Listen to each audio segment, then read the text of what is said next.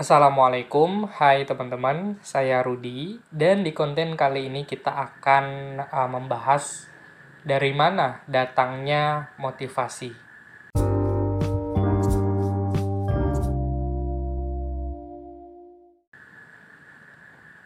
Nah, teman-teman, kita tentu sepakat dulu ya, kalau motivasi itu penting banget buat hidup kita. Dia tuh ibaratnya sebuah bahan bakar dalam suatu kendaraan sehingga kendaraan itu bisa bergerak bahkan dalam jarak tempuh yang sangat jauh sekalipun kendaraan itu bisa melintas gitu ya. Dan kuncinya adalah adanya bahan bakar. Nah tahu nggak teman-teman kita juga ternyata membutuhkan yang namanya bahan bakar untuk menjalani hidup ini. Dan bahan bakar itu bernama motivasi Nah, teman-teman, banyak sekali orang-orang yang ingin mendapatkan motivasi.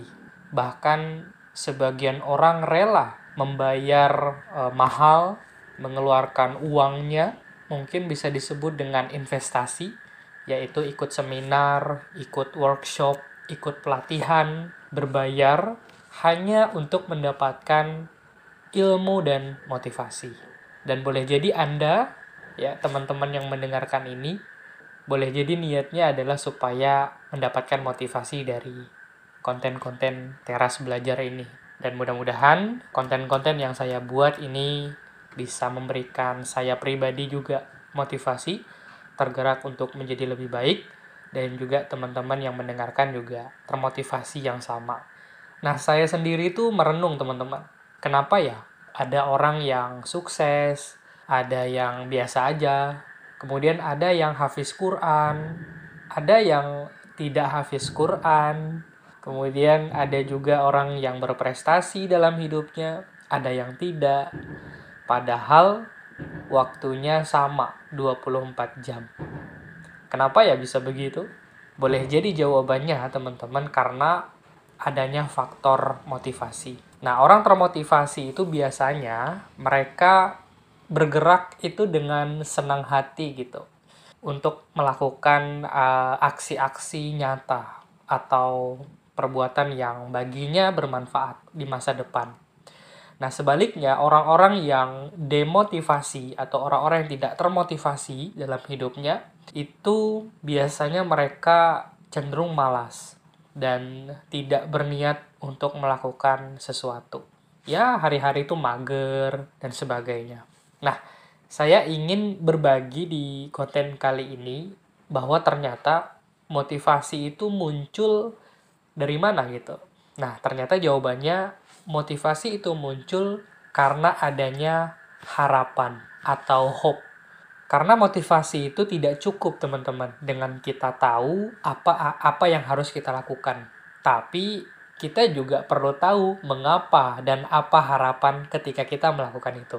Jadi kayak anak kecil gitu ya disuruh sholat, disuruh ngaji, ya mereka mau-mau aja gitu. Tapi berbeda ketika kita ajarkan anak kita kenapa kita harus sholat, nah kenapa kita harus ngaji, apa yang akan kamu dapatkan, harapannya seperti apa yang kamu inginkan ketika melakukan kebaikan tersebut. Itu akan menumbuhkan motivasi dalam diri seorang anak. Begitupun dengan kita. Dalam semua aspek hidup, kita perlu bertanya, kenapa kita melakukan ini? Dan apa harapan kita ketika melakukan hal tersebut, yaitu adanya harapan. Sehingga adanya harapan, kemudian muncullah yang namanya motivasi, teman-teman.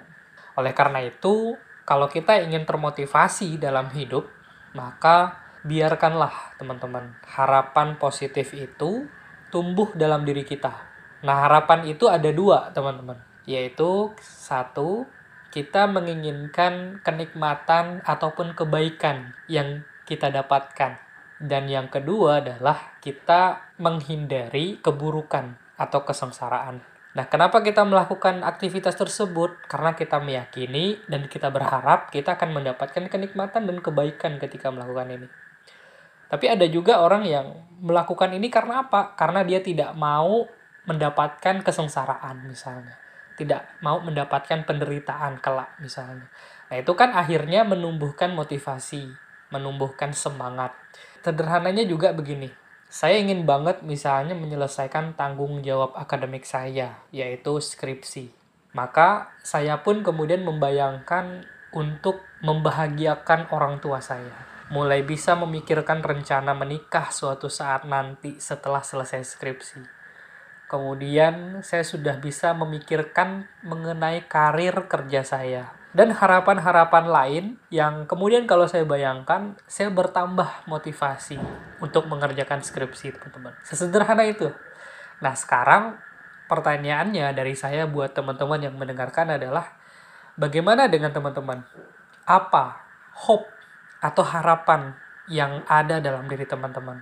Sudahkah harapan tersebut menjadi motivasi teman-teman sehingga mampu menggerakkan teman-teman untuk melakukan aksi-aksi nyata, yaitu kegiatan-kegiatan yang bermanfaat buat teman-teman suatu saat kelak nanti. Karena motivation drives by hope. Motivasi didorong oleh harapan. Sayang banget gitu ya kalau kehidupan kita ini tidak memiliki harapan. Padahal harapan itulah yang sebenarnya membuat diri kita terus bergerak, terus move untuk menuju sebuah kesuksesan di masa depan. Nah, teman-teman, eh, bagi yang ingin bertanya atau ingin merekomendasikan ke saya tentang tema-tema yang mungkin bisa dibahas di konten selanjutnya, silahkan DM saja di @rudi underscore mjwj. Insya Allah nanti akan saya respon. Dan thank you teman-teman sudah mendengarkan. Semoga manfaat dan sampai sampai jumpa lagi di konten selanjutnya. Assalamualaikum warahmatullahi wabarakatuh.